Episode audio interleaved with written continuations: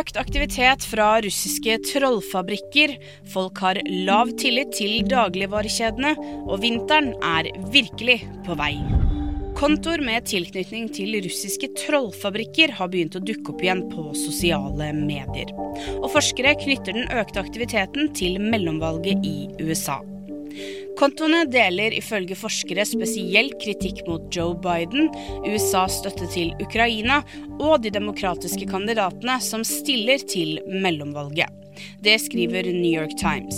I en rapport fra begynnelsen av oktober så varslet FBI om at utenlandske aktører trolig ønsker å bruke desinformasjon til å påvirke mellomvalget. I en fersk undersøkelse så svarer seks av ti nordmenn at de tror dagligvarekjedene setter opp prisene mer enn de trenger for å kompensere for økte utgifter.